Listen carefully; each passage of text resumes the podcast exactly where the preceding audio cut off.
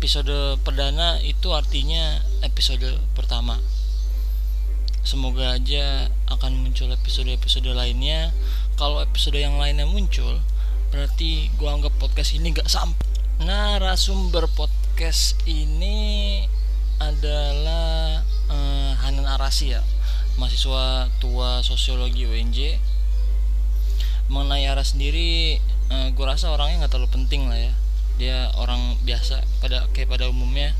Dia juga nggak terlalu penting-penting amat. Tapi kiranya yang menarik dari Aras ini adalah dia itu aktif ya diskusi rutin di kampus. Dia juga salah satu yang penggagas diskusi kami sore yang biasanya ngebacot mengenai diskursus politik P kecil sama politik P gede ya standar lah anak sosiologi mah.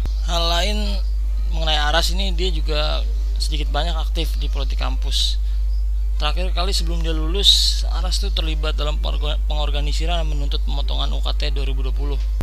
Tapi kalau ngomongin soal gerakan UNJ lah ya, gue rasanya pengen ke rektorat, abis itu gue ke kamar mandinya, gue berak tuh di kamar mandinya, abis itu kagak gue siram tainya, abis itu gue fitnah anak-anak BEM UNJ yang berak.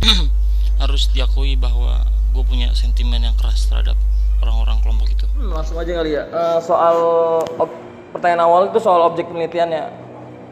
Apa yang lu apa sih namanya apa yang lu teliti itu selama mengerjakan skripsi?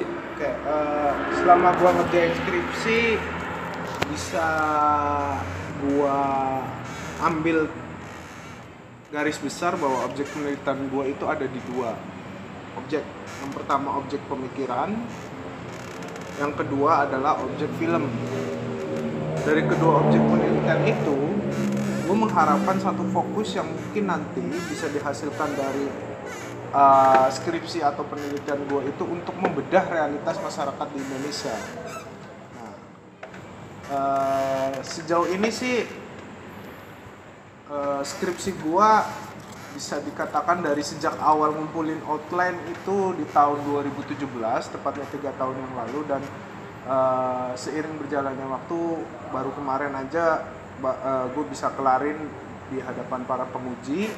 Dan uh, ya dari situ gue bisa uh, menyelesaikan beban atau kewajiban gue sebagai seorang uh, mahasiswa di kampus ya. Tapi uh, sebelum lebih lanjut gue pengen ngejelasin ya filmnya itu film apa gitu kan? Film banyak modelnya kan dari filmnya itu sendiri gua ambil empat film tapi gue lebih banyak memfokuskan ke film-film Indonesia. Di empat film itu yang film pertama itu adalah film Daylight. Film Daylight ini film buat uh, jadi rujukan untuk nantinya membedah film-film di Indonesia. Nah film Day Life ini sendiri itu film yang diselesain di tahun 88 dalam industri Hollywood.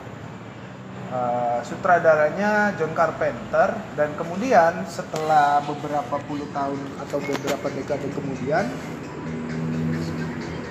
dia didaur ulang sebagai bahan pembicaraan atau sebagai diskursus seorang pemikir sekaligus seorang uh, sosiolog itu yang menjadi satu inspirasi gue buat uh, meneliti lebih lanjut bagaimana ini film bisa punya buah pikiran untuk membedah film maupun realitas di Indonesia. Untuk film-film Indonesia-nya sendiri, gue membedah ada film Jagal, Senyap, dan Sexy Killers. Dari keempat film ini, gue bedah menggunakan perspektif uh, sosiolog dan filsuf asal Slovenia yang namanya Zizek. Slavo Zizek adalah filsuf sekaligus profesor di Slovenia. Ini tuh sih uh, terkait objek penelitian gua. Uh, diperdalam lagi kali ya pembahasan soal objek objek penelitian itu soal film yang pertama itu kan film Day Live kan ya film Day Live menceritakan uh, orang yang menemukan kacamata kemudian bisa melihat alien yang ternyata itu menguasai dunia. Film ini sebenarnya apa ya? Gampang dilihat sebagai pandangan reaksioner terhadap konspirasi gitu kayak misalnya elit global yang menguasai dunia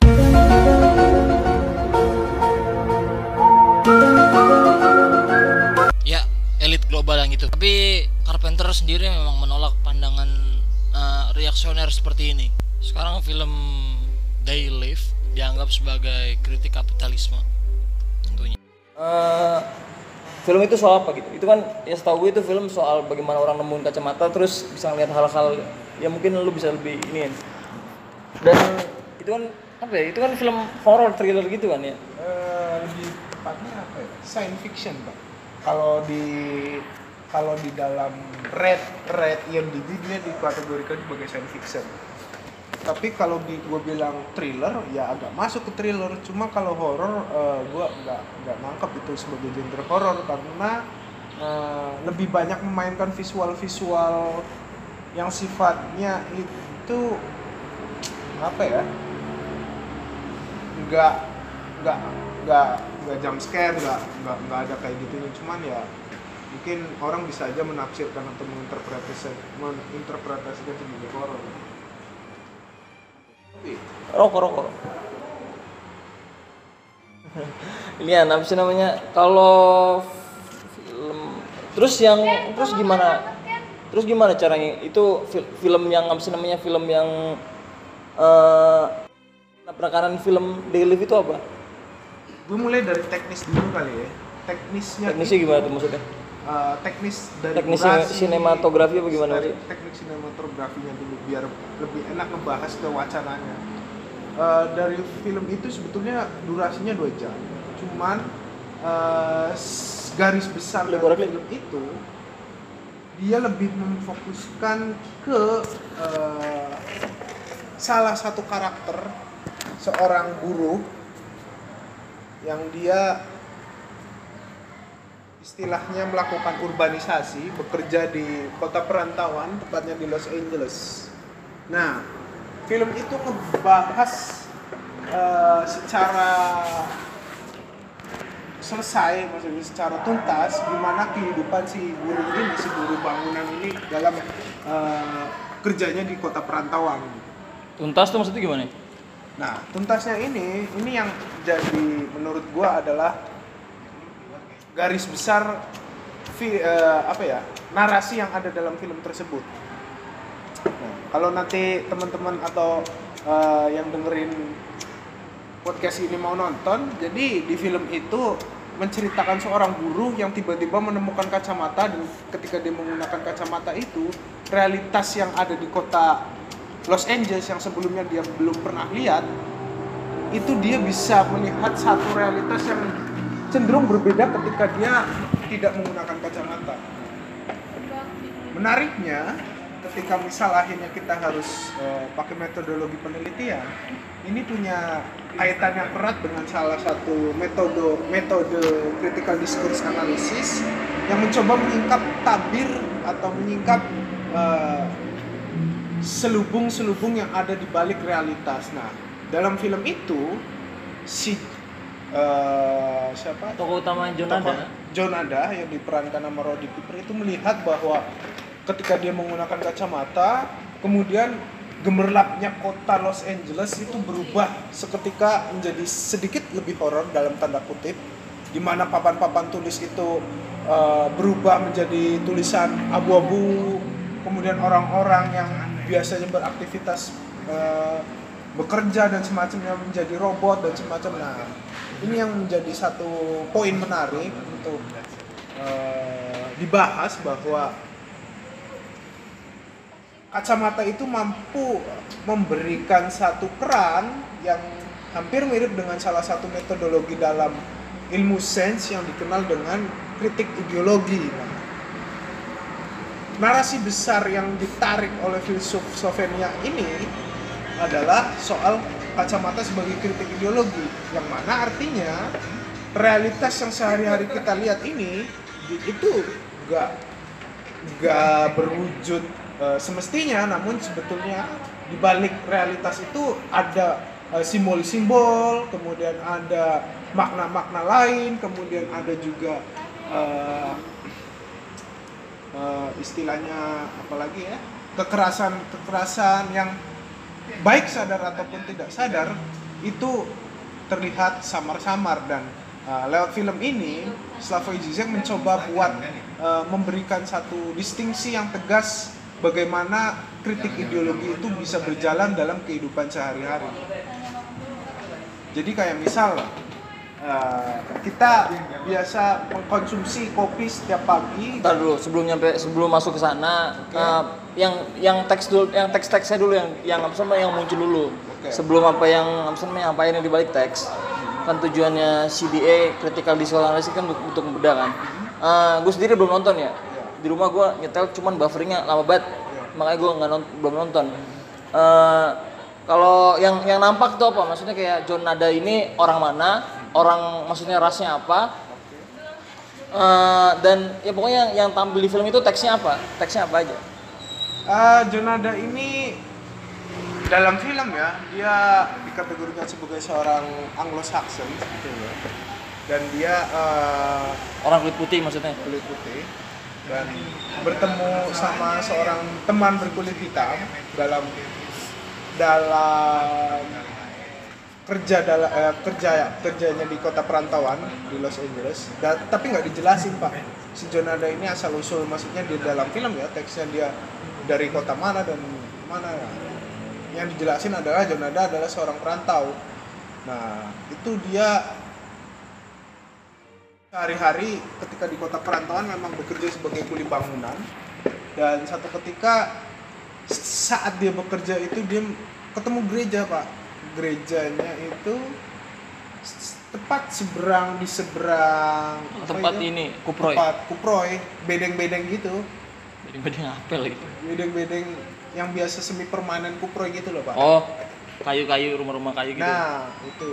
Nah, jadi di gereja itu dia nampak curiga ada apa aktivitas di dalam gereja sering sering orang yang ada di dalam eh, bingkai itu ada orang lalu lalang menaruhkan diri tapi nggak rame-rame gitu sedangkan gerejanya itu selalu ada bunyi-bunyian puji-pujian dan semacamnya. Akhirnya satu ketika Jonada ini memberanikan diri buat masuk walaupun dia sangat apa ya istilahnya sangat berhati-hati waspada selengak kanan selengak kiri. Ketika masuk itu gerejanya kok nggak ada orang sama sekali tapi ada puji-pujian. Setelah dilihat gerejanya adalah laboratorium. Ada ada tempat-tempat eh, apa istilahnya? Per- eh, meramu-ramu bahan-bahan kimia kemudian ada juga kaset dengan speaker yang keras menyetel puji-pujian dan semacamnya. Nah di situ baru dia nemuin satu kacamata itu. Kacamata yang tadi sebelumnya udah gue jelasin. Nah eh telisik punya telisik setelah beberapa scene lewat gereja ini adalah gereja sebagai istilahnya apa ya? Alat buat propaganda pak. Alat propaganda untuk melakukan satu pemberontakan. Dan eh, si agen ini walaupun nggak dijelaskan secara gamblang ya agennya siapa yang mem- mempersiapkan propaganda itu memang eh, sengaja buat eh, istilahnya menyadarkan menyadarkan orang-orang yang ada di sekeliling gereja itu agar dia mau melakukan pemberontakan terhadap ketertindasannya. Nah, namun yang menarik justru setelah tadi kacamatanya Jonada pakai dan kemudian Jonada coba berikan berikan ke kawan-kawannya dan semuanya di ending film itu justru akhirnya orang-orang kaya di Los Angeles itu dibunuh-bunuhin dan salah satunya Wah, anjing adalah spoiler. Iya, Bro. iya Langsung ya. orang kayanya dibunuh-bunuhin dan itu endingnya dan eh, ada ada satu kisah dramatis salah satu perempuan yang nggak mau dipaksa buat pakai kacamata akhirnya di endingnya justru saat akan melakukan pemberontakan pem- perempuan itu datang tak apa yang menyadarkannya dia akhirnya mau pakai kacamata itu dan melakukan pemberontakan. Nah produk itu atau kacamata itu di sinya eh, kalau ada dalam teks film adalah istilahnya alat buat eh, apa ya entah ini penyadaran atau eh, pembelokan makna bahwa ada hal yang harus kita eh, serang gitu lah istilahnya. Itu yang jadi narasi besar film itu sih Eh, tapi sebelum sebelum ngomongin ideologi kah atau apa sih namanya? Atau hmm, ya sebelum ngomongin apa mau ngomongin hal-hal yang di balik teks itu yang apa sih namanya kesan per- kesan pertama lu yang nonton film itu apa? Maksudnya kayak apa sih namanya eh, kan film itu kan ada kayak anta- eh, secara antagonis protagonisnya. Maksudnya kayak yang jadi antagonis itu apa gitu kesan pertama gua justru itu kayak film monster gitu kan? John John Carpenter setahu gue tuh kayak bikin bikin suka bikin film bikin bikin film yang horror horror thriller thriller gitu. Ya ada fiksi juga.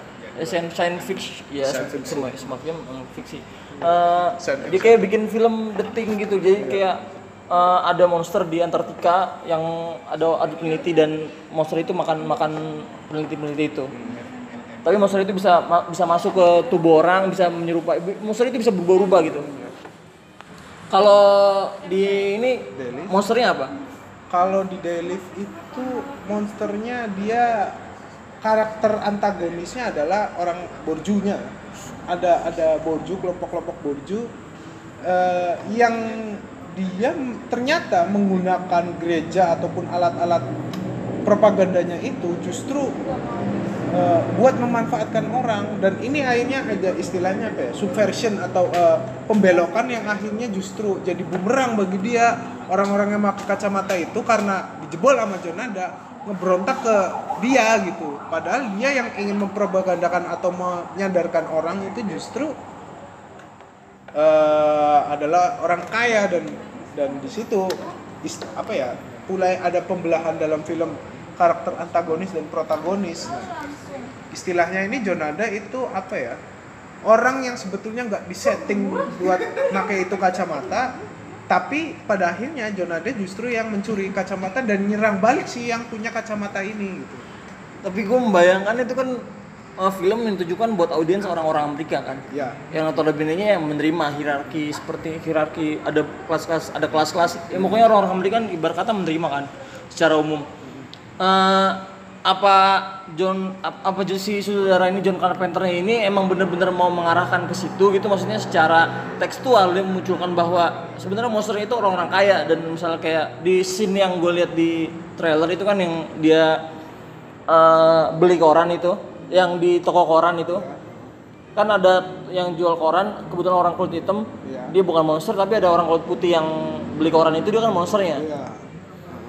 Eh, yang mau tampilkan sama John Carpenter secara tekstualnya itu masih sebatas itu apa? Maksudnya yang ter- yang terdiri dari monster itu apakah cuma orang-orang yang notabene kulit putih dan borjuis gitu semisal? Apa ada juga orang-orang yang ya kayak ya posisinya lain, ada lain. yang yang lower lower class lower class gitu. ada ada hal-hal lain. Kayak misal nih eh, dalam satu supermarket ya oke lah di satu supermarket itu kita nggak bisa mengkategorikan dia berasal dari kelas sosial yang mana tapi ketika Jonada itu pakai kacamata justru orang-orang yang ada dalam supermarket itu jadi monster semua nah artinya John Carpenter juga pengen melihat secara tekstual bahwa Amerika ini udah terjebak dengan eh, istilahnya budaya konsumeristik. Ya, ini yang jadi sorot sorot utama dalam film itu, di mana selain tadi ada supermarket, kemudian ada toko buku, ya dia melihat juga kayak barbershop, kemudian eh, apa lagi ya? Kantor-kantor, eh sorry bukan kantor-kantor, lebih banyak ke barbershop, kemudian eh, apa? Supermall dan semacamnya ya. Yang selain kelas sosial yang coba dibongkar sama si John Carpenter dan tadi kalau lu nangkep ada istilahnya ras rasisme dalam Amerika Serikat gue pikir dia juga melihat satu kecenderungan pola konsumerisme yang memang perlu diulik gitu dalam film dan disimbolkan secara menarik bahwa orang-orang yang berada di supermarket dan orang-orang yang sedang mencukur rambut itu sebagai monster gitu. Tapi monster itu orang kulit putih semua? Eh, yang gue lihat ada yang kulit hitam di supermarket satu satu. Walaupun memang ada kulit putih dan ada juga yang kulit hitam di supermarket ya. Tapi kalau yang di kalau yang di barbershop nggak ada sih rata-rata kulit putih. Kalau yang di supermarket ada satu orang Selain Daylift yang lu itu apa lagi? Selain film Ah, Daylift itu? Selain film Daily gue cuma ngambil sampel dari luar Indonesia itu Daylift dan sisanya gue ambil film-film Indonesia. Nah selain itu atau selain Daylife, Daylift gue ngambil Jagal, Senyap, dan Sexy Killer. Nah gue pikir kenapa gue ambil ini tiga film ini karena satu Daylift udah jelas dia dibahas sama Slavoj Zizek dan karena tadi gue udah jelasin objek gue ada di dua itu maka gue cari film-film Indonesia yang udah pernah dibi- dibicarain sama Zizek nah film yang dibicarain sama Zizek itu baru Jagal dari Jagal itu gue pikir karena setting latarnya sama di tahun 65 gue bisa melebarkan analisis gue ke Senyap di seksi killer kenapa itu masih bisa diambil karena itu masih berkaitan dengan konteks pemikiran Zizek yang mencoba mengkritik kapitalisme gitu. Tapi kalau misalnya apa ya? Kalau film yang menunjukkan eh, yang mungkin secara kasar yang secara enggak maksudnya enggak enggak menohok itu menunjukkan eh, relasi kelas dalam dalam kerangka kritik itu mungkin ada berapa ya? Apa ya? Bisa gue bayangin. Eh, gue pernah nonton filmnya Deddy Mizwar itu soal alangkah lucunya negeri ini tau gak lu? Ya, itu kan apa sih namanya eh, bagaimana bagaimana ada orang yang menjadi pencopet nah, ya, apa sih namanya yang menjadi pencopet dan tokoh utamanya ini ya semacam bikin apa sih namanya formalisasi buat pencopet ini supaya pencopet ini bisa lebih efektif dalam beroperasi dalam melakukan tindakan kriminal itu. Itu kan apa sih namanya ya secara apa sih namanya secara secara apa sih namanya secara uh, secara paradoks gitu kan. Itu kan suatu hal yang apa sih namanya suatu hal yang aneh gitu. Cuman itu kan menjadi su- sebuah komedi. Nah itu kenapa itu bisa menjadi lucu? Kan karena ya kita kita sebagai penonton itu bisa menyadari kontradiksinya di mana dan bisa bisa tertawa gitu. Kayak atau misalnya film-film yang apa sih namanya yang secara sejarah gitu yang ngomongin eh, kayak misalnya film G film G itu kan ya bagaimana Indonesia setelah eh, mahasiswa tahun 60-an itu segala macam nurunin Soekarno bersama s- bersama sama apa ya? ya ya pokoknya ma- mahasiswa-mahasiswa sama orang-orang yang dukung mahasiswa. Eh, itu kan kemudian yang timbul kan kapitalisme Indonesia itu mulai tumbuh gitu loh. Ya kena, kenapa terbatas pada film-film itu? Eh, alasan alasan gua terbatas pada film ini satu tadi udah gue jelasin karena metodologi hanya bisa eh, memberi mengakomodasi objek penelitian yang saling berkaitan antara variabel dependen dan variabel independen tapi gue pikir ketiga film yang gue pilih ini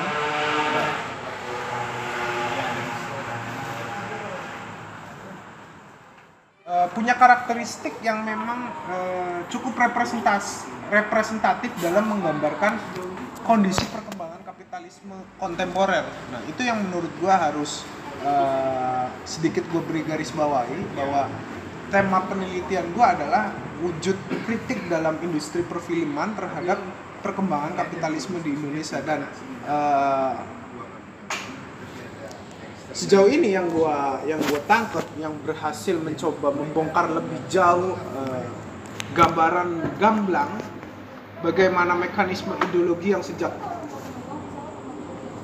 pasca perang dunia kedua itu udah eh pasca perang dingin itu sudah saling gontok-gontokan hari ini kita menikmati puing-puing yang secara sadar atau tidak sadar kita udah hanyut ke dalam eh, mekanisme itu. Dan bagi gua seksi killers kemudian senyap dan jagal ini yang mencoba sedikit memberi apa ya istilahnya interupsi untuk untuk bisa kita lebih lebih jauh gitu ya membahas bagaimana perkembangan kapitalisme kontemporer di sisi lain secara metodologi memang Slavoj Žižek membahas film Jagal dan Senyap itu memang dengan Jagal adalah eh, dalam satu produser yang sama dan Sexy Killers banyak kemiripan yang mencoba eh, baik dari sisi sinematografi sebagai film dokumenter maupun dari sisi narasi menunjukkan perkembangan kapitalisme tersebut. Eh, jadi eh, yang yang tampil sama film ini tuh apa garis besarnya?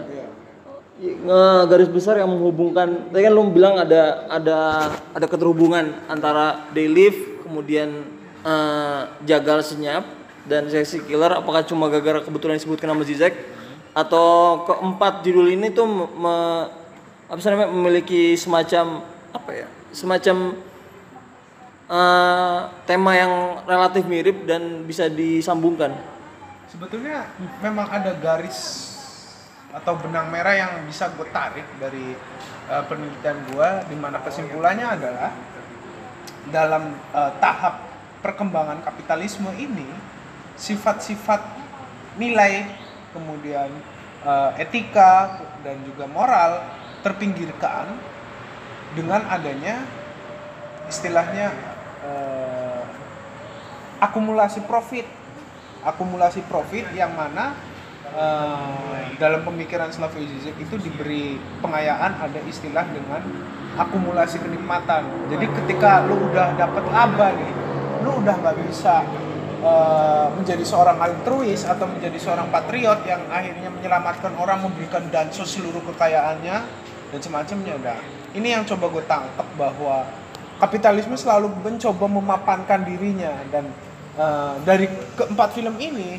narasinya hampir sama semua narasi sebagai bagaimana eh, kapitalisme itu memapankan dirinya di era abad 21 dan eh, dari setiap film-film ini punya corak tersendiri bagaimana melihat etika-etika apa yang ternyata dipinggirkan beriringan dengan eh, pemupukan laba tersebut.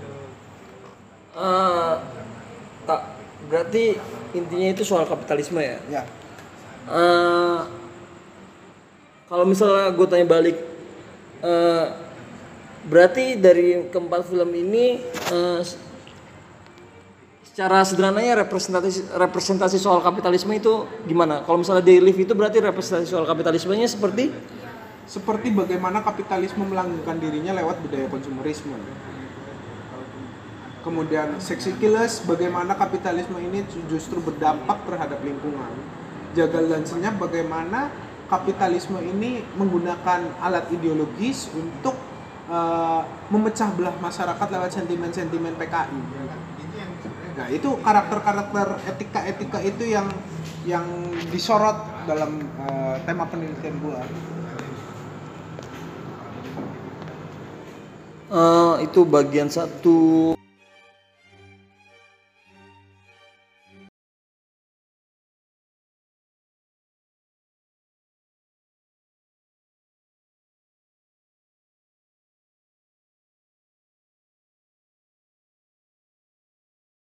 Yang kedua itu eh, soal ini. Itu kan berarti tadi kita udah udah bicarakan soal eh, apa tadi Eh, keempat keempat objek keempat film yang jadi objek penelitian saudara Aras ini anjay. Eh, terus cara membedahnya itu, cara menganalisanya.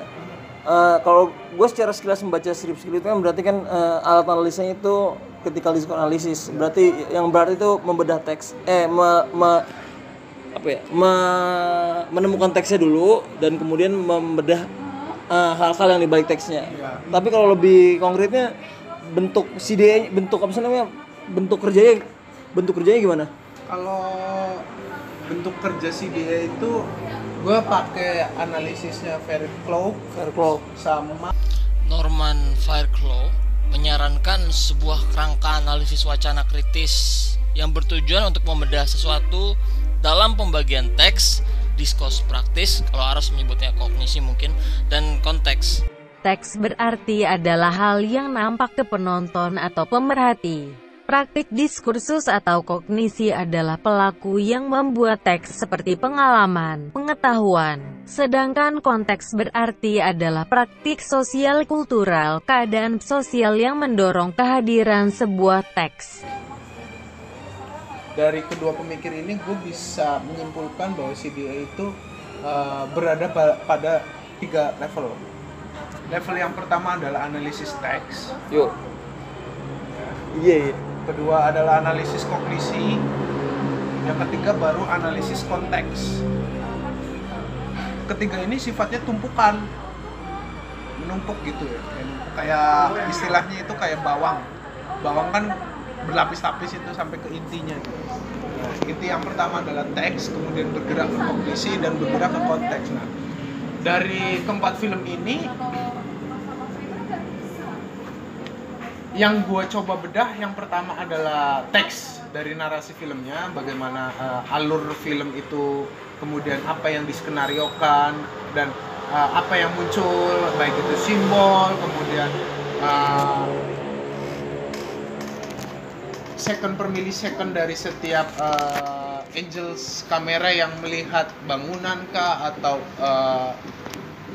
gedung-gedung pencakar langit kah dan semacamnya dan bergerak dari situ gue bera- eh, masuk ke dalam level kognisi bagaimana gue melihat sutradara sutradara atau si pembuat film ini gimana dia menempatkan eh, narasinya kemudian bagaimana juga dia eh, menggambarkan situasinya sampai ke level konteks yang mana dari setiap film ini punya konteks yang berbeda-beda walaupun secara garis besar bisa ditarik benang merah bahwa mereka berada dalam level perkembangan kapitalisme. Nah, Jadi tingkatan gimana? Teks, teks, kognisi, sama konteks. kognisi itu apa? Eh, kognisi itu bagaimana apa ya? respon, bagaimana respon orang terhadap teks ini apa gimana? Bukan, siapa sih pembuat teks ini? Siapa yang menjadi istilahnya itu tenaga pendorong sekaligus eh, bagaimana pikiran-pikiran awal atau persepsi-persepsi awal yang akhirnya membentuk teks ini. Nah, gua gua eh, mereduksi itu pada si produser atau si pembuat skenario. Jadi kalau misalnya eh, lanjut coba lanjut dulu. Yang ketiga, yang ketiga konteks. Yang ketiga konteks. Di belakang si produser ini ada apa? Ada faktor ekonomi politika, ada faktor sosial budayakah, kemudian ada faktor eh, istilahnya psikis seorang seorang su- eh, seorang sutradara film yang mempekerjakan ratusan karyawan atau seorang produser yang di bawah industri perfilman besar misalnya kayak MB Entertainment dan semacamnya? Itu sih. Kalau eh, kalau dari film Daylift yang lu ambil itu, eh, bagaimana cara memetakannya? kalau Berarti teksnya itu adalah eh, dua jam durasi film itu, betul. Dua jam film durasi itu. Kognisinya? Kognisinya adalah uh, gimana si sutradara ini memberikan plot terhadap film. Misal Memberikan- setting setting misalnya dia ambil setting di tahun berapa bah nah Daily ini dia tahun ceritanya di tahun 60-an Amerika atau 60-an ya? iya dalam film ya bukan dalam iya, dalam- konteks pembuatan kan film 88 itu ya? ya konteksnya 88 tapi dalam film 60-an nah itu yang kayak gitu-gitu kognisinya yang dibedah nah konteksnya Day Life ini di tahun 88 di mana Amerika itu udah istilahnya mulai eh, bisa menemukan jati dirinya sebagai negara kapitalis mapan di mana budaya masyarakat Amerika sangat konsumeristik, McD udah mulai bermunculan, kemudian eh, konser-konser industri kultur udah berjajaran atau berserakan di mana-mana dan eh, banyak hal di tahun 80-an Amerika ini eh, bisa 60-an. dikatakan 80-an kan konteks. Kalau kalau kognisinya 60-an dalam narasi 60-an dipakainya. Tapi 80-an Amerika ini kan sebagai konteks si pembuat filmnya, bukan kognisi si pembuat filmnya. Berarti kan eh, kalau misalnya direduksi pertanyaan eh, yang pertama itu apa yang ditampi apa yang ada di durasi film. Berarti kalau tingkat kognisinya kenapa ada monster-monster ini? Kenapa kacamata ini ada dan kenapa ada orang yang bisa menemukan kacamata ini? Kenapa tempat nemunya itu gereja gitu-gitu kan. Nah, kalau konteksnya berarti tahun 80-an itu ada apa? Iya, betul. Di luar teks. Tahun 80-an Amerika Ronald Reagan. Ronald Reagan. Ronald Reagan eh, dia kan sekutu Margaret Thatcher. Mulai ah, titik awal neolit. Titik awal semangat semangat Neoliberalisme. Liberalisme adalah konsep ekonomi yang menekankan pada kompetitif individu dalam masyarakat. Intinya ya kapitalisme lah at its finest. Namun yang berbeda adalah penekanannya pada deregulasi. Eh, deregulasi atau menghapuskan berbagai aturan uh, yang mencakup jaring pengaman sosial sehingga melepaskan tanggung jawab negara dengan melepaskan tanggung jawab negara maka krisis krisis tidak dapat dihindari seperti krisis alam, krisis politik dan lain-lain. Selain itu, kelompok rentan akan terdampak sementara orang-orang kaya bakal ya gitu deh. Untuk perwujudan neoliberalisme paling jelas adalah Omnibus Law yang sedang digas oleh DPR dan pemerintah. Inti dari Omnibus Law ini adalah menghapuskan regulasi, aturan-aturan, undang-undang yang menghalangi perputaran modal dan kapital dan investasi tentunya. Hal aturan-aturan dan undang-undang itu di antaranya juga menjamin kehidupan orang-orang banyak. Wow. Konsekuensinya juga kelompok-kelompok pengganggu seperti serikat buruh atau mahasiswa akan dipukul oleh Jokowi. Berarti eh, sintesa berarti sintesa yang lu dapatkan itu apa? Sintesanya justru eh, Yang sintesa yang lu ini kan lu ambil dari Zizek kan? ya Berarti sintesa yang yang yang lu kutip dari Zizek itu apa? yang gua kutip justru eh, dalam pertama gua harus dari Zizek dulu ya dari Zizek sendiri justru Zizek melihat film yang lahir dalam semangat neolib awal justru eh, mencerminkan bagaimana neoliberalisme itu sangat rentan. Ya, makanya di dalam film ada adegan perkelahian ada adegan istilahnya eh, pertarungan antara kulit putih dan kulit hitam dan semacamnya. Yang gue tarik eh, dari analisis Zizek adalah teo istilahnya bukan teori. Pemikiran Zizek dalam film Daylift ini bersifat terbuka dan eh, dia tidak jauh dari realitas sosial di mana film itu dibuat dan bagaimana uh, tugas gue sebagai seorang peneliti adalah mengkontekstualisasikan antara film tersebut dengan film-film yang ada di Indonesia. Selain film Daily, Zizek nyebutin film-film lain gak yang berhubungan sama itu? Yang berhubungan sama Daily. Berhubungan sama yang tadi lu bilang bagaimana sebenarnya neoliberalisme itu rapuh, rapuh dan segala segala macam. Banyak sih sebetulnya dan Daily ini kan istilahnya film sequel daur ulangnya Zizek. Jadi Daily ini sebelumnya ada juga nah, judulnya Cinema yang dia banyak film diambil montase-montase Zizek banyak membuat film sinema sebagai media uh, penyebaran pemikirannya. Fokus utama penelitian ini adalah serial The Perfect Guide yang yang pertama kali keluar tahun 2006, The Perfect Guide to Ideology dan Perfect Guide to Cinema tahun 2013. cuplikan-cuplikannya dan dirangkum jadi satu kayak Titanic, Enigma dan macamnya jadi satu buat eh, memberikan kritik terhadap neolib. Nah kalau asumsi, ah sorry, kesimpulan Zizek dia menyebut bahwa eh, sifat kerentanan yang ada dalam masyarakat neoliberalisme adalah eh disebabkan oleh ambu- ambiguitas antara di satu sisi dia menggunakan sistem demokrasi, kebebasan dan semacamnya, tapi di sisi lain baik sadar maupun tidak sadar setiap individu yang berada dalam masyarakat tersebut dia tidak bisa punya pilihan alternatif. Jadi dia dipaksa bebas sekaligus terrepresi sejak alam bawah sadarnya. film uh, montase montase film itu dari ini kan the perfected the perfect guide to itu Sinema. Kalau Ideologi dong. ideologi ini Daylif. Daylif ini nama film aslinya. Kalau Daylif di Daur Ulang sama Zizek jadi The Perfect Guide to Ideology. Yang pertama to Cinema.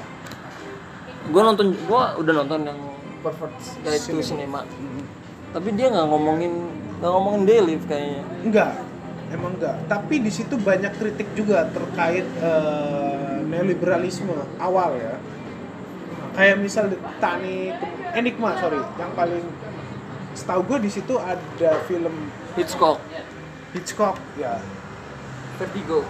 Vertigo yang eh, dia ngebahas dalam satu rumah ada tiga tingkat ada tiga lantai dan itu dia pakai buat menganalisis itu kelas sosial dia pakai itu buat anak bukan kelas sosial eh sorry. analisa itu analisa buat analisa psikoanalisis ya? Iya. Ego super Ego, ego, it, super ego. ego it super ego Eh, apa ya? Setahu gue dia di sinema itu nggak ngomongin kelas gitu. Dia ngomonginnya eh, bagaimana bagaimana film itu sebagai representasi dari kita. Bagaimana film itu adalah eh, gambaran hasrat mekanisme dia hasrat. mekanisme hasrat tapi ada di Titanic itu berarti Ada itu yang salah satu jurnal, Pak. sequelnya ya? iya di Titanic kan masuk ke sinema juga tuh enggak kayaknya Li, Titanic masuk sinema nggak sih? Sinema apa? The Perfect Guide to Cinema? Masuk. Masuk. Masuk, Pak. Ah, yang ada gini. yang ada adegan terakhir ngangkat tangan kiri Zizeknya lu nggak lihat ada itu enggak ada kayaknya ada gue nonton di YouTube sih iya di YouTube mungkin kelewat kali itu. Ada pak. Di Titanic dari Titanic itu- itu apa? Dari Titanic yang dia Titanic itu yang diambil analisisnya kelas banget sih. Si Oh, iya. si Ross-nya borjuis kemudian si Jack-nya dia seorang proletar dan uh, dia nggambarin bagaimana uh, hubungan antagonismenya ini justru terpalingkan karena dia satu sama lain saling mencintai dan semacamnya.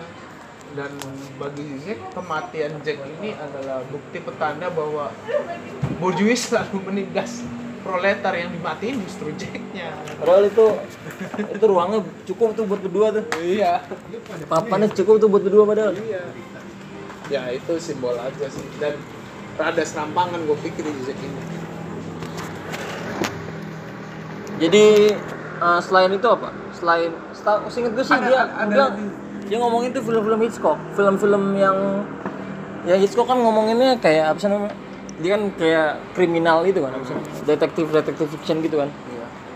Jadi ya Hitchcock banyak sih dia kayak representasi dari Film ini menceritakan tentang eh, burung burung burung burung beneran menyerang eh, orang-orang. Ya inti ceritanya itu standar lah. libido karakter utamanya lu ini enggak lihat adegan yang ada Zizek di tengah laut pakai perahu Joe Bird itu yang film Bird itu masuk ke sinema setahu gua Iya itu sinema. Nah, itu di situ me- itu menampilkan digambarin. ini, menampilkan bagaimana eh, reaksi ibu yang melepaskan anaknya. Nah kemudian burung-burung itu berdatang kan. Nah Iya. itu ya berarti ini kan kayak sinema sinema ya kayak apa sih namanya anal- analisa psikoanalisa. Iya, Eh, tapi gua terlalu iya betul sih. psikoanalisis. Tapi habis itu lu lihat nggak ada beberapa milisecond scene itu berubah eh, nyorot ikan hiu dalam laut siripnya.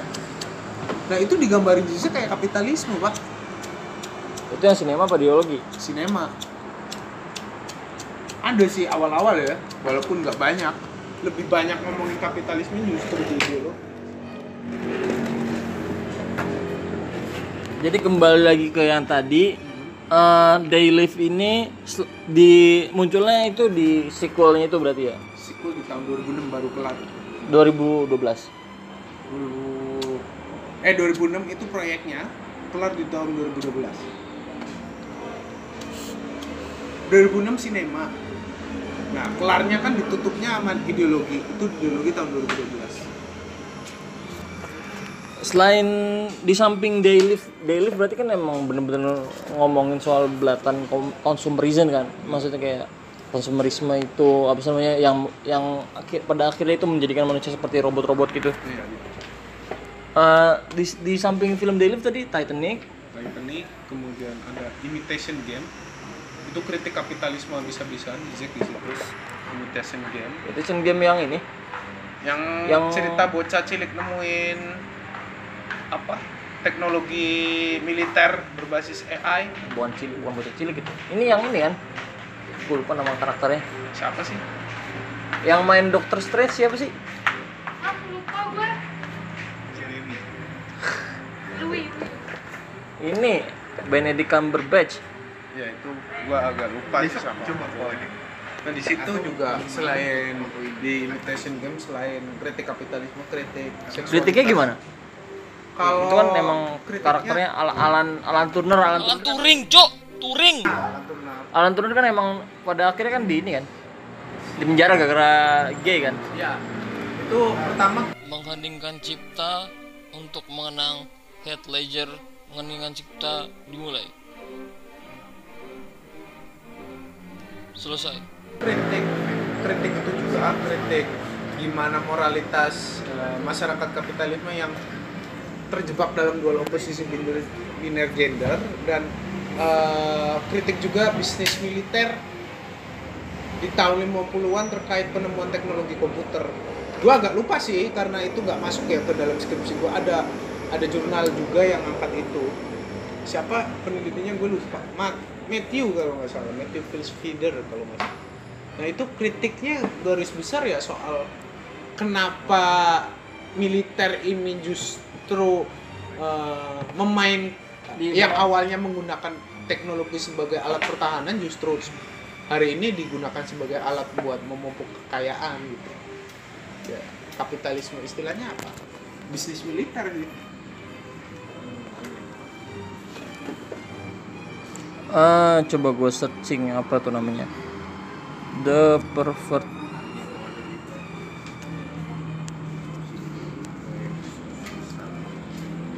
berarti filmnya ada apa ya coba lihat Banyak sih. belum sempet nonton siang ini Yang paling baru itu ada pak. Bisa pemain korut. Liberation Day. Tapi lu nont- udah nonton yang ini kalau ini yang relatif terkenal kayak Batman Dark Knight, Dark Knight Ah, Dark Knight gue malah nggak paham, eh, nggak nggak nggak ngulik sih. Tapi Joker gue sedikit ngulik. Kalau Joker itu kritik. Joker Joker yang mbak maksud oh te- teksnya beda ya Teksnya beda. J- eh, Zizek ngomong Joker bagaimana? Kalau gue mandangnya sih Joker kan dia jadi gila kan gara-gara ini kan anggaran kesehatan dipotong makanya dia nggak bisa dapat obat Dia ngomong gitu juga apa Iya, betul ngomong gitu. Tapi di sisi lain Zizek agak kurang sepakat dengan narasi narasi film Joker. Soalnya kalau kata Zizek, Joker terjebak dalam nihilisme. Ya dia terpaksa senang dengan huru hara tanpa ada perubahan apa-apa kalau kata Zizek gitu.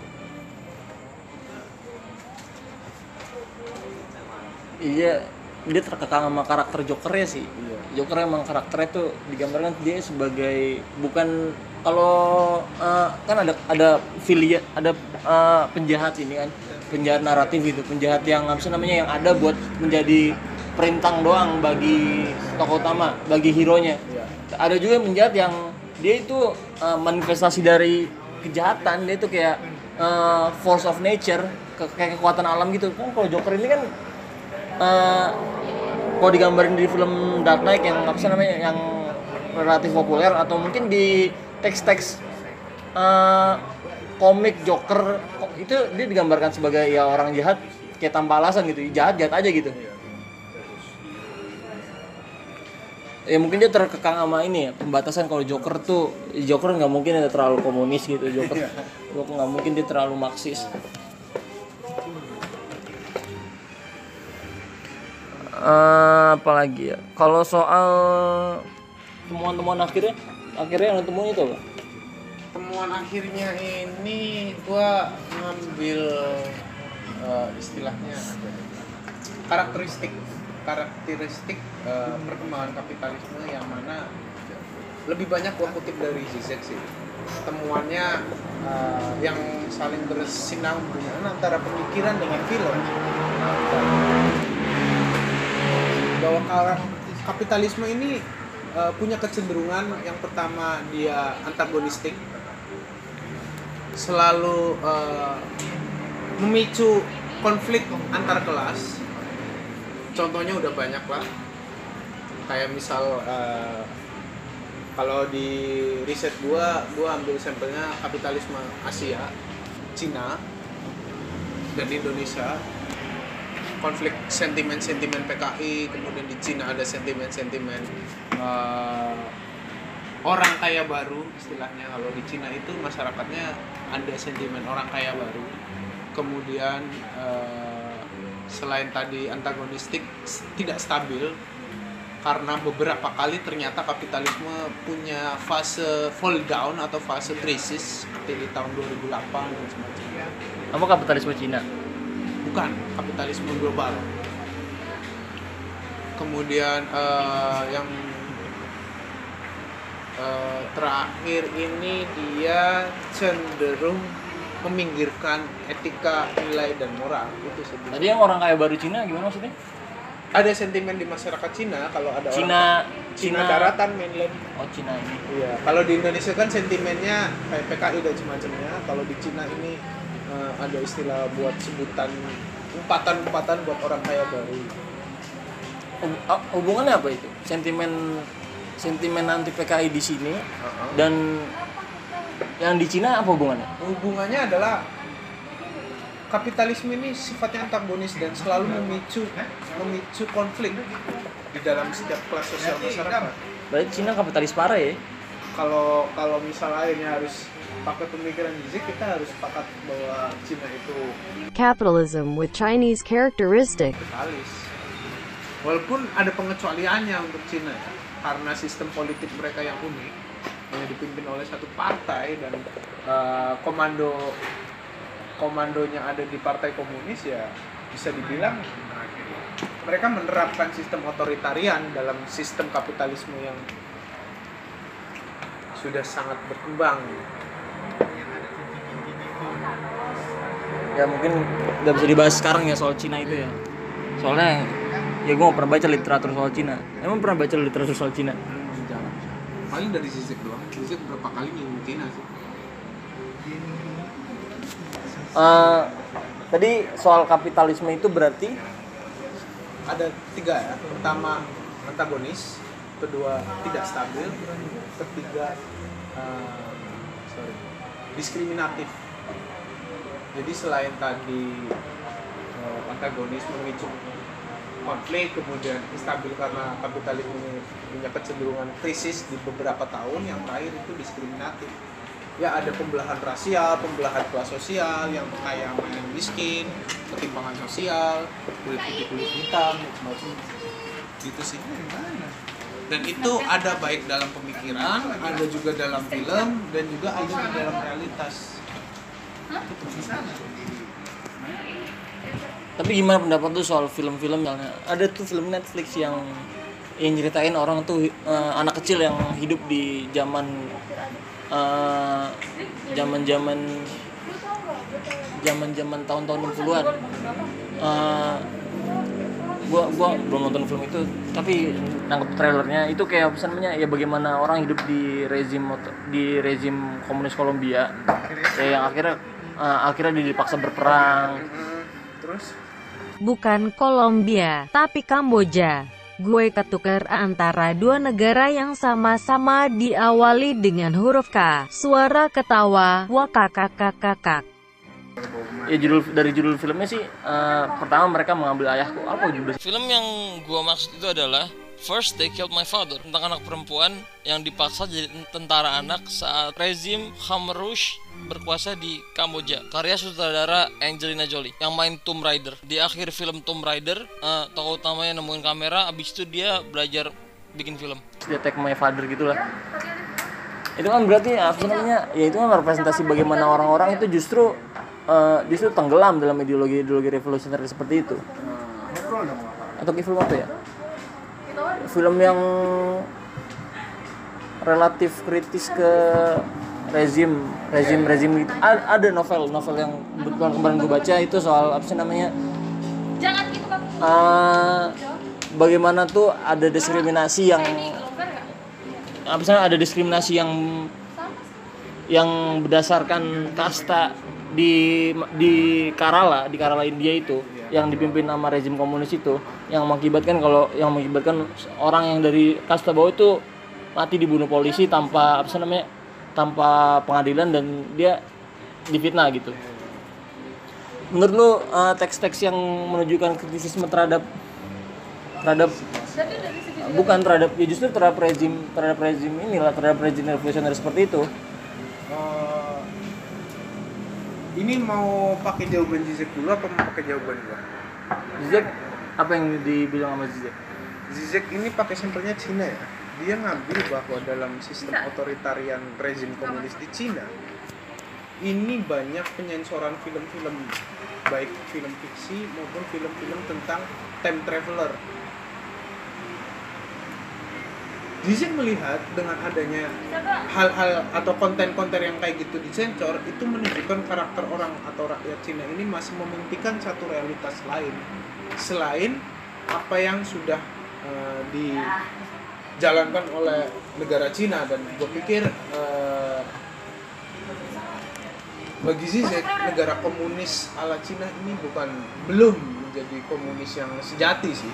Dan eh, yang menarik buat gua adalah kalau balik ke apa yang tadi lu tawarin ya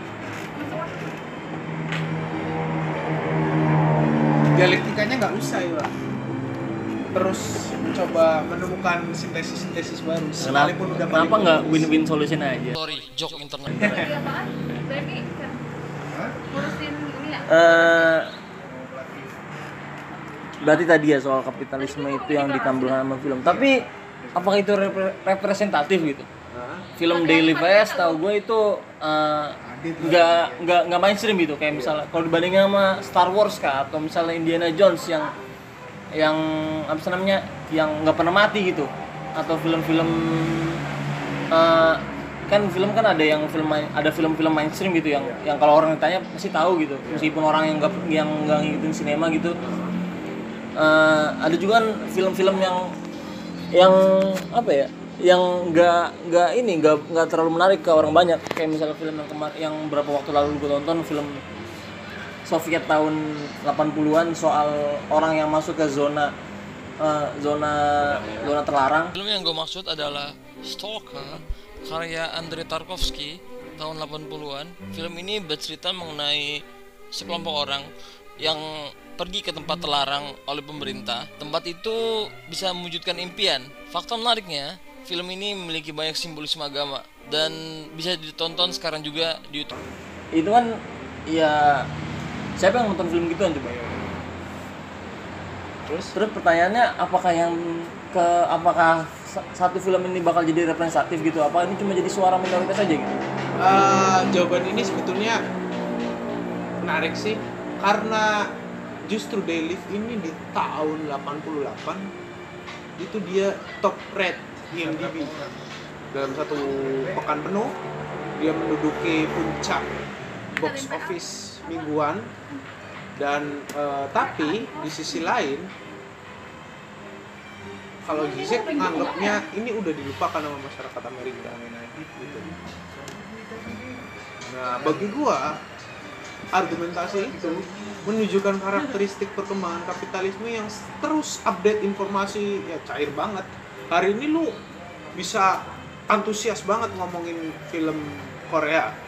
Tapi besokannya lu udah bisa ngobrol lagi sama gue nggak Korea lagi Hollywood.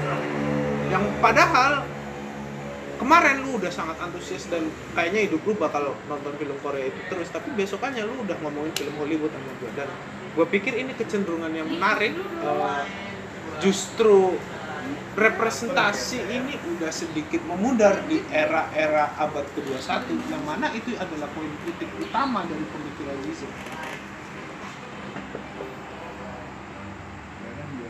Tra, se- abis ini bakal ngomongin teorinya segala macam tapi mungkin di masih ngomongin teknis dulu ya. Kalau alasan lo ngambil alasan lo apa namanya? Alasan lo ngambil gini-ginian lah gimana? Kenapa tuh Alasannya Mau sejauh udah telanjur aja ya? Enggak enggak. Pertama gua orang yang sedikit menaruh minat ke film dan gua beberapa kali juga terlibat dalam proyek pembuatan eh, sinema dan videografi Eh, gue juga bekerja di startup si perfilman dan Bahasanya duit ada mulu. Hah? Bahasanya duit ada mulu. Iya. Jadi gua jadi gua uh, bakal apa ya? Bakal sedikit apa ya? Istilahnya lebih tahu lah dari pengunjung-pengunjung gua dari teknik sinematografinya. Itu alasan pertama. Alasan kedua gua sempat terketuk gitu ya ketika gua main ke desa terpencil gitu ternyata orang itu udah nonton film ibu-ibu nih baru pulang bertani dia nonton sinetron kemudian dia nonton film-film India Antv dan semacamnya yang mana gue pikir film ini udah sangat film ya sebagai medium ini udah sangat dekat dengan masyarakat dan udah nggak bisa dipisahkan dari peradaban manusia gitu. itu motif motif awal gue sih kenapanya harus film gitu. Kenapa nggak pemikiran aja? Ya kalau gue pikir pemikiran itu cuma bakal jadi angin lalu kalau nggak nemuin mediumnya seorang pemikir besar kayak Hegel pun harus nemuin teks buat nulis apa yang ada di pikirannya. Dan filsafat abad 21 adalah sekarang mediumnya film sih gitu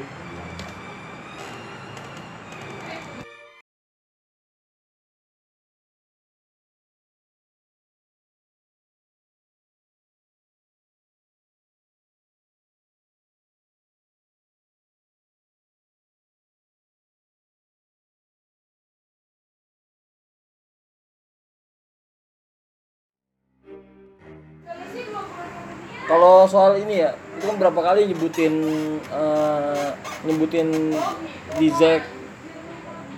Eh, tapi kan itu terpecah-pecah kan kayak misalnya pendapat Zizek soal film ini pendapat Zizek soal keadaan ini tadi pendapat Zizek soal Cina. Eh, tapi sebenarnya teori yang eh, apa biasanya? Teori Zizek yang lu ambil itu ada? Eh, ada.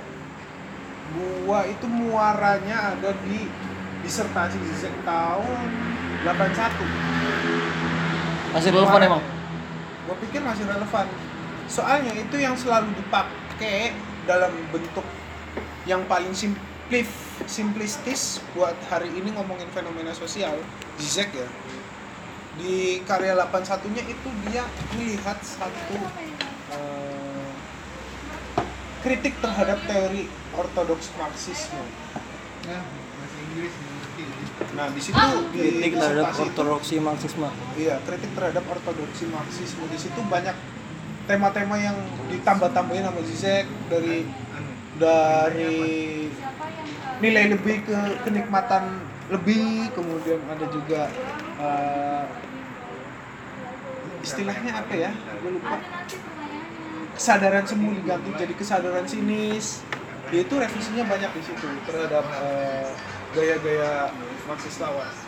Gue pikir sangat relevan. Jadi contohnya gini, Marx itu di Kapital buat ngomongin fetisisme komoditi itu dia bilang adalah orang-orang yang memberhalakan sesuatu tanpa sadar bahwa dirinya sedang memberhalakan sesuatu. Nah, kalau kata Zizek di zaman sekarang bukan orang nggak tahu dia lagi memberhalakan sesuatu, dia tahu hari ini itu. Tapi dia nggak mau melepas itu. kalau enak Soalnya enak. Iya emang gua kan. Istilahnya gitu. Jadi gue pikir relevan Uh, banget sih. banget dah. ortodoksi marxisme yang maksud itu apa Eh, teori-teori lawas Marx yang ditulis di tahun 1800-an sampai 1900 awal. intinya nilai lebih Eh, teorinya banyak, tapi yang paling inti sih di nilai lebih. gue peres Eh, kalau konteks tahun 80-an dia Slovenia. Berarti masih bagian dari Yugoslavia ya? Masih bagian dari Yugoslavia. Berarti Yugoslavia masih ada ya? Eh, Yugoslavia waktu itu ya komunis dong. Iya, kan Zizek terkenalnya hidup di dua rezim. iya dong Sewaktu mudanya di rezim komunis, sewaktu tuanya dia udah lepas Eh, ini dulu apa sih namanya? Eh, konteksnya dulu Zizek. Gitu? Zizek ini sokap sih. Dia berapa kali gue temuin eh, ya kayak cukup terkenal gitu belakang-belakangan ini. Kalau misalnya dia udah aktif dari dulu misalnya kenapa baru nongol sekarang gitu Iya. bahkan gue temuin juga kan dia punya ini kan apa namanya eh, keilmuan sendiri kayak misalnya Zizekian Study Itu tahun 2007 dia bikin Zizekian Studies. itu dia bikin sendiri Zizekian Study Iya. gue bikin aja ntar kali ya Dia gue sendiri Bahian Bahian Studies lah. yoi Eh, apa ya? Zizek ini bakal lebih pas kalau dibaca secara profesional. Dia seorang peneliti senior filsafat dan seorang sosiolog. Eh sorry, seorang profesor sosiolog. Nah, secara profesi itu. Dia itu mulai tampil di publik pertama kali itu tahun 90-an. Gue eh, dapat eh, dokumentasinya dan eh, pernah juga nyapres pak di Slovenia tapi gagal. Oh, bakti. nyapres Oh, gagal. dia aktif secara politik di Liga Komunis Slovenia. Keluar karena beberapa hal yang tidak sepakat. Kalau nggak salah itu soal eh, kebijakan eh, statement Partai Komunis menanggapi penggunaan senjata Oh, nuklir. ke bude. Nah itu ada ada ketidaksepakatan poinnya, tapi gua nggak nggak paham betul karena itu nggak jadi tema penelitian gua. Yaitu dia memutuskan keluar dari komunis, dari Partai Komunis Slovenia, dan dia malah bikin partai liberal. Partai Liberal Slovenia mencalonkan diri jadi capres tapi gagal. Ya kalau di Indonesia itu model-model lagi Pak, siapa. Kalau Rocky Gerung nggak. Eh, gue nonton Korea ya. kayak siapa ya? Kagak maksudnya kayak Sekarang nongol belakang belakang ini aja kan Cuman- kalau Indonesia itu ibarat kayak siapa Eh, Robert. susah sih. Robert Robertnya bisa Zizek Susah sih bakal susah nyepadanin orang kayak gitu sih. Tapi yang jelas Zizek sih udah punya idealnya sendiri kalau dia ngidolain banget Lenin. ya wajar sih Iya. Tapi siapa ya? Kalau dilihat dari aktivisme politiknya mungkin sedikit mirip kayak Tan sih. tapi Tan kagak tinggal di apartemen Iya justru di apartemen itu orang luar negeri tinggal di apartemen orang miskin. Lihat Kalibata dulu apartemen nggak ada, sekarang jadi apartemen. tapi kocak tuh waktu dia diwawancara sama Vice Kamu masih minum Coca-Cola? weh I don't care. Eh waktu di buku ini dibuka kan setelah ada putus Stalin. Ini buat biar orang nanya aja. Ya itu kalau dilihat dari aktivisme politiknya ya ada beberapa poin yang nggak sepakat kayak Tan nggak sepakat dengan revolusi Madiun ala siapa? Semakun apa Semakun apa Musoli musuh Muso. Ya jadi Muso akhirnya dia memutuskan bikin partai ala ala liberal demokrasi musyawarah bersama. Ala liberal ya kalau dilihat dari aktivisme politiknya mirip Tan tapi kalau dari gaya pemikirannya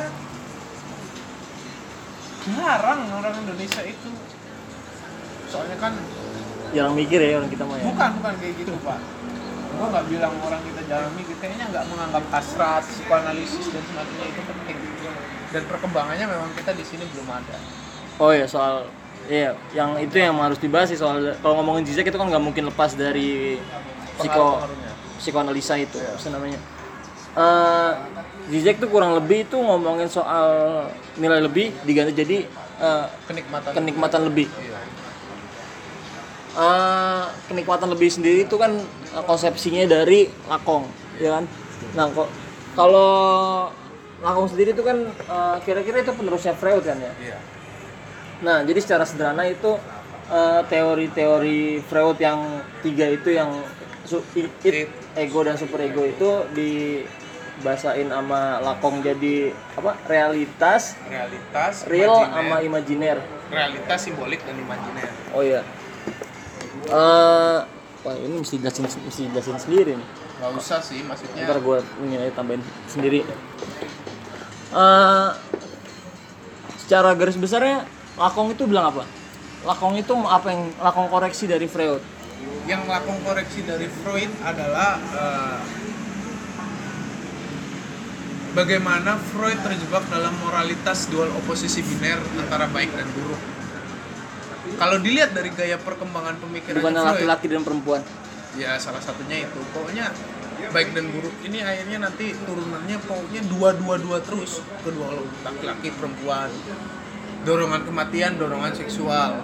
Kemudian eh, super ego dengan ego. Itnya kak sebenarnya dalam Freud kan it cuma penambah aja. Ya hal-hal yang kayak gitu yang sebetulnya bagi Lakong itu nggak cukup kaya untuk membahas alam pikir individu sih sebetulnya itu eh, gimana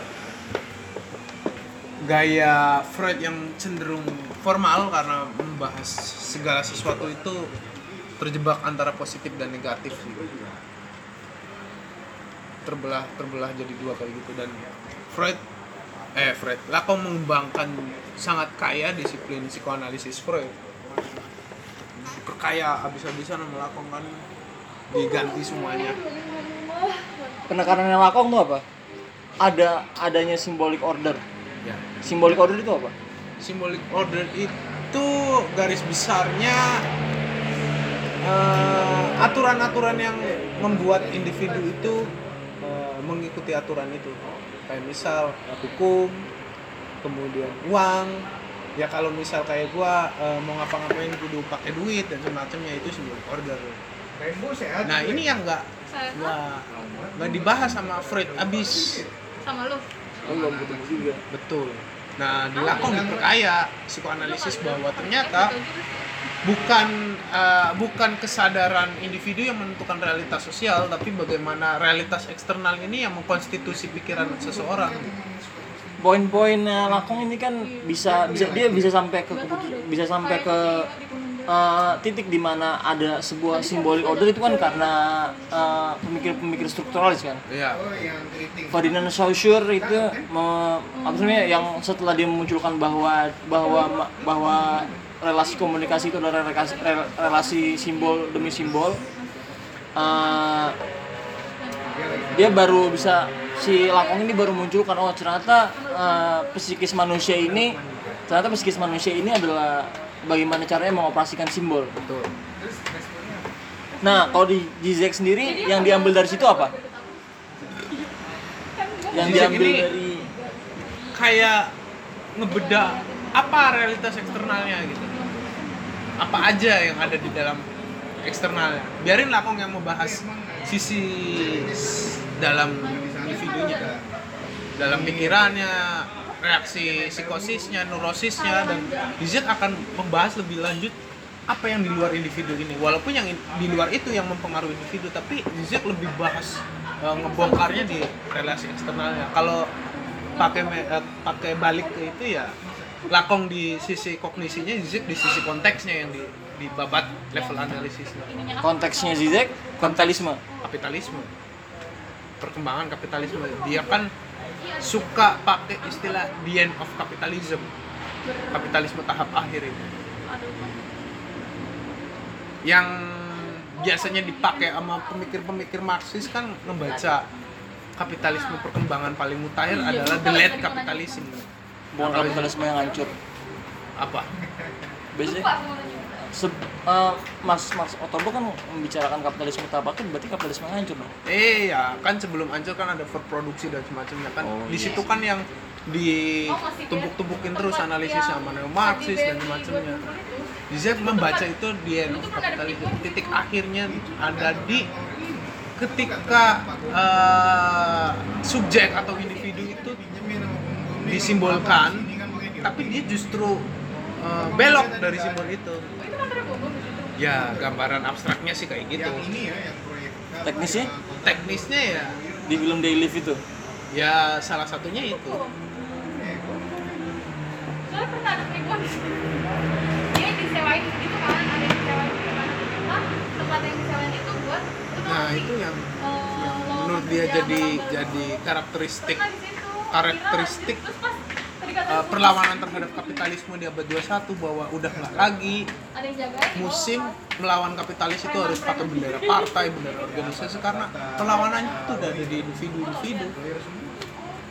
Kapitalisme itu nindesnya nggak cuman uh, di level pabrik-pabrik buru-buru, tapi semuanya gitu. Makanya kan yang dibahas di Zekabis kan gerakan fenomenanya yang protes-protes masyarakat sipil dan semacamnya. Dengan di tahun 90-an kan konteks perlawanan kapitalisme itu kan selalu ada di bawah bendera Paluarit. Kalau Zizek melihat bahwa itu nggak cuma sekali lagi milik Paluarit, semuanya udah ngelawan kalau kata Zizek.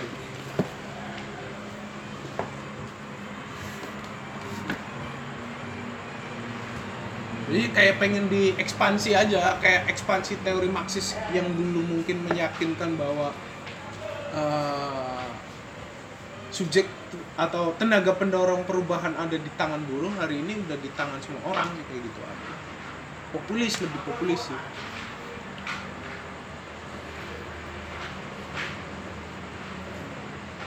dia kayak ini gak sih? Kayak eh, ngomong hal yang udah ya emang kayak gitu. Dia maksudnya kayak ngomong hal yang udah pasti gak sih? Kayak apa sih namanya? Saying the obvious gitu kayak misalnya ngomong apa ya? Ya emang emang gitu kan apa apa sih namanya apa dia ada keinginan lain gitu kayak apa sih namanya ya ya iya semua orang nggak tertindas sama kapitalisme dan sebagainya dan sebagainya gitu Eh, dia apa cuma dia apa dia cuma saying the obvious doang apa ada penekanan-penekanan lainnya Selalu ada penekanan sih. Kalau diperhatiin dari beberapa kali dia sering muncul di publik, dia selalu ada penekanan. Makanya banyak yang orang menganggap Zizek itu salah satu prinsip idealis. Soalnya dia selalu menginginkan hal yang ada di ruang realitas. Kayak misal gua ambil contoh pas lagi ngomongin pandemi ya. Dia kan pengen ada organisasi internasional yang bisa ngatur negara-negara di dunia di luar kendali WHO. Tapi kan nggak ada kan. gue aja nggak bisa Iya. Ya itu ada hal-hal yang lain sih kalau gue pikir masih punya karakter idealistiknya. Dan salah satu yang jadi teori Zizek bahwa bagaimana nih subjek perlawanan yang paling ideal untuk muncul kembali di abad 21 ya dia pengennya ada Lenin di abad 21 tapi kan udah nggak mungkin. Itu yang dikritik bisa-bisa nama maksudnya Leninnya kayak gimana? Yang dalam pikiran Zizek orang yang mampu mempraksiskan teori revolusioner jadi ada keseimbangan antara teori dan praktik sih. Dan itu udah eh, diambil diambil Zizek di luar kerangka organisasi politik Lenin sebagai seorang pemimpin partai buruh ya dia pengen semua orang itu kayak Lenin sih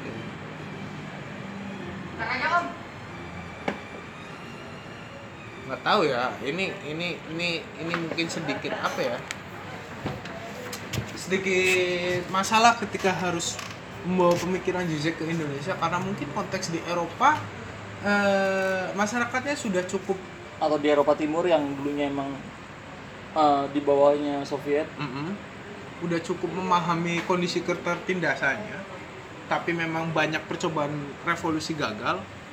Makanya membutuhkan membutuhkan bara api tambahan suplai tambahan buat tetap melawan atau eh, justru masyarakat kita punya dinamika yang berbeda buat bergerak ke arah yang dipikirin sama Zizek ini yang jadi sedikit masalah buat eh, gimana akhirnya kontekstualisasi pemikiran Zizek Indonesia. Dan dari situ akhirnya ya gue penelitiannya pun cuma bisa terbatas ke analisis belum ke sampai tahapan what's to be done-nya. Kalau Zizek ngomong udah ngomongin what's to be done? Eh, what's to be done-nya sih nggak nggak secara teknik ya nggak secara teknis sih. Cuman dia kayak ini kayak ngerangkum ngerangkumin tulisan-tulisan Lenin beberapa kali eh, gimana gaya-gaya Lenin mengorganisir partai buruh dan apa aja yang harus diorganisir dan itu juga jadi s- ada di bukunya Zizek yang judulnya Revolution at the Gates. Itu dia eh, rangkum sih teknik-teknik organisatorisnya Lenin. Tapi gua nggak bisa berani lebih lanjut buat eh, menerapkan itu di dalam masyarakat kita gitu. Atau menerapkan udah baca emang? di Revolution at the Gates sih gua baru baca sekitar bab awal sampai bab kedua sih Oh itu bukunya kayak aksi massa gitu ya? iya Beda konteksnya kali ya? sangat beda sih kalau gue pikir sangat beda Slo- Slovenia itu kan emang daerah Yugoslavia kan? Yugoslavia sendiri kan dari dari perang dunia kedua udah komunis. Eh maksudnya dari pasca perang dunia kedua udah sendiri kan udah komunis. iya Ya negara-negara Eropa Timur gitu kan ya komun ya bekas komunisme kan. Eh gue sih nemuin apa ya? Gue sih nemuin kemiripan ya teori bukan teori Zizek, teori Lakong tadi itu. Eh teori Lakong sama teori eh, teori Zizek sih. Teori Zizek ini sama eh, teori teori Melges, Melgesnya Laura Mulvey. Media study.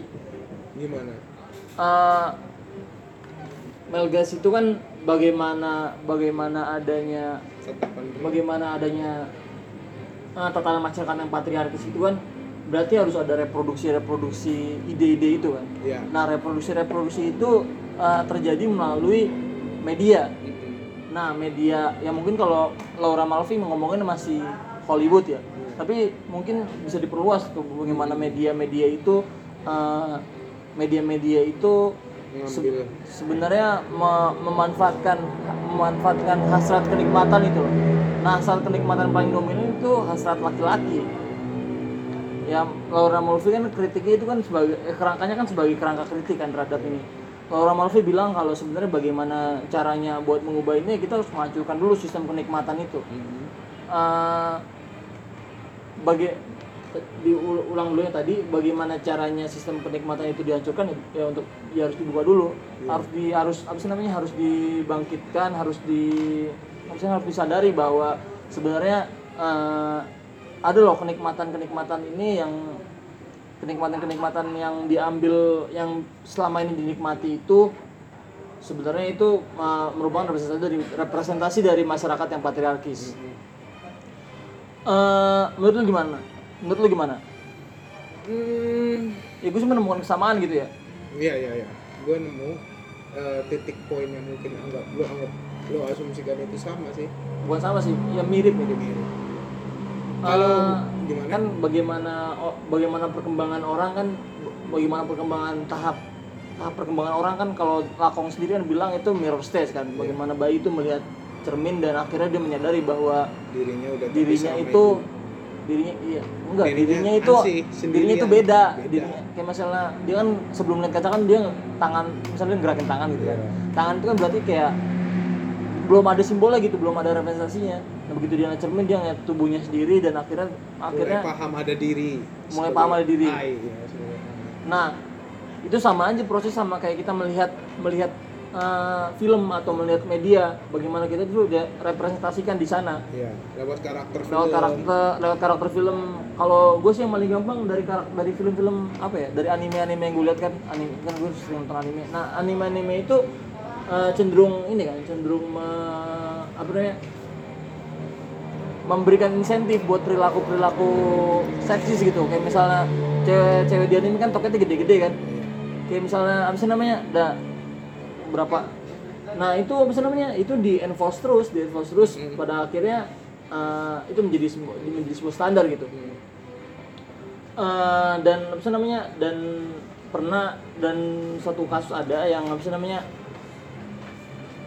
cewek anime itu dipakai buat marketing palang merah Indonesia eh palang merah Indonesia palang merah Jepang buat minta donor darah dan itu diprotes sama orang. Jadi kayak debat publik itu mirip sih sebetulnya sama teori Zizek kalau lu mau lihat gimana Zizek ngebahas feminisme apa yang nanti lu tadi sebut Mel itu dia pernah bahas film Casablanca. Lu pernah nonton film Casablanca? Nah itu film Casablanca ada beberapa adegan milisecond. Ketika ada seorang laki-laki dan perempuan dalam satu kamar eh mereka berpelukan dan sebelum akhirnya mereka berciuman itu scene-nya berubah. Scene-nya berubah jadi pemandangan di luar kamar ada gunung kemudian ada eh, atap atap rumah segitiga dan semacamnya. Kalau Indah lah, indah. ya, indah. Nah Zizek melihat itu tanpa kita harus melihat adegan porno tapi orang yang lihat itu pasti berpikiran dia mereka lagi ngewe di dalam. Awalnya kan mereka eh, pelukan terus mau ciuman diganti scene-nya diganti pemandangan indah dan semacamnya itu bagi Zizek eh, satu bentuk manifestasi logika palus. Kalau tadi lu sebut patriarki di dalam eh, teori Lacan itu diambil dari Freud disebut sebagai logika falus Ya itu logika falus itu. Iya, dan eh, masyarakat itu atau audiens akan melihat eh, hal-hal yang seperti itu yang mengikuti logika falus. Pikiran atau imajinasi yang membayangkan adegan di luar scene yang dipotong itu di mana mereka sedang berhubungan seks. Ya, itu yang disebut sebagai logika falus. Walaupun kita nggak tahu kan maksudnya setelah adegan pemandangan itu ternyata tiba-tiba udah ganti scene lagi mereka berdua udah bangun pagi-pagi gitu. Ya, kita nggak tahu kalau ternyata mereka ngobrol terus cuma pelukan dan ciuman dan ngobrol terus sampai pagi kan nggak ada yang tahu.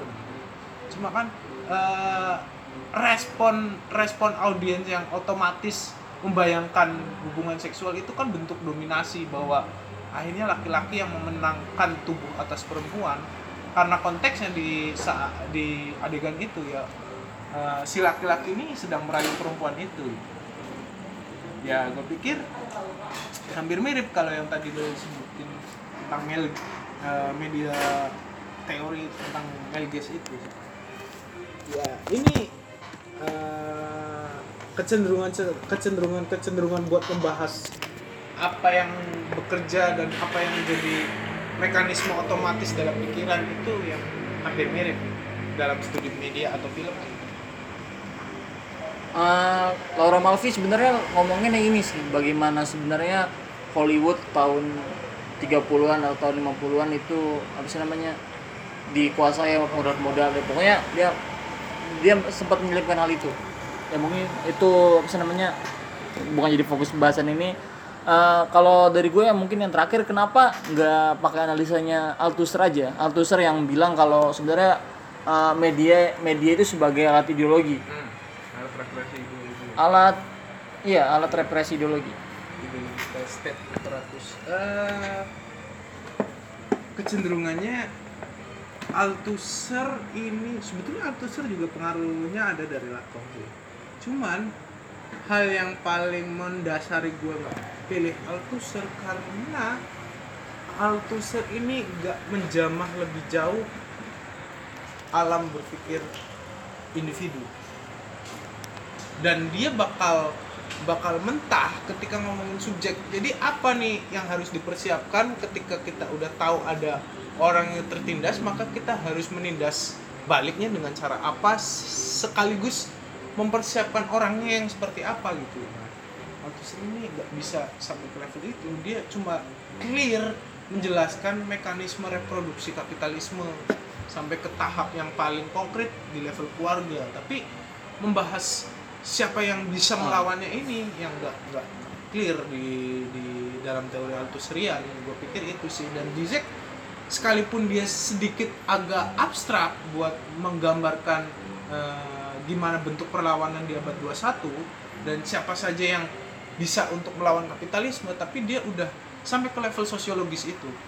Seso- sesosiologis itu dan eh, alasan yang paling dasar gue pakai itu ya untuk mempersiapkan ke dalam kebutuhan praktis kemungkinan-kemungkinan yang bisa eh, menjadi gelombang perlawanan di abad ke-21 kalau misal akhirnya harus ditarik ke sisi justru masyarakat konsumtif ini punya punya kecenderungan atau punya potensi buat melakukan perlawanan yang mana dalam uh, Marxisme ortodoks sangat tidak diperhitungkan agen-agen konsumsi ini dan uh, mere- uh, Zizek punya tawaran sebagai new proletariat gitu proletariat baru gitu. Itu sih.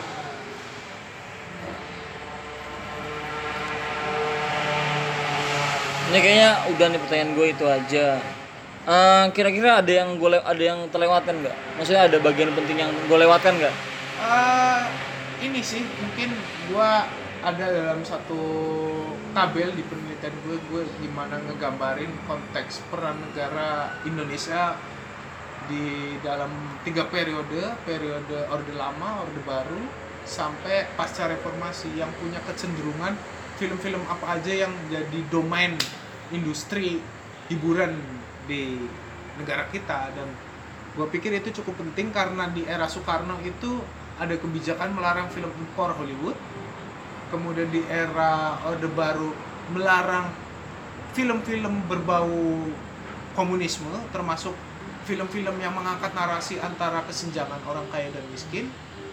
Kemudian di pasca reformasi justru sensornya sensor yang sangat cukup menurut gua sangat sepihak karena eh, dimonopoli oleh lembaga tertentu yang eh, mana masyarakat kita udah menganggap kita sangat demokratis tapi kenyataannya film jagal dan senyap diputuskan oleh Mahkamah Agung dilarang tayang sedangkan film yang menyandingkan narasi lain G30 SPKI justru diwajibkan buat ditonton gitu sih itu aja yang menurut gua sedikit terlewatkan Ah iya sih. Ya itu bagian kecil yang yang mungkin itu aja lah.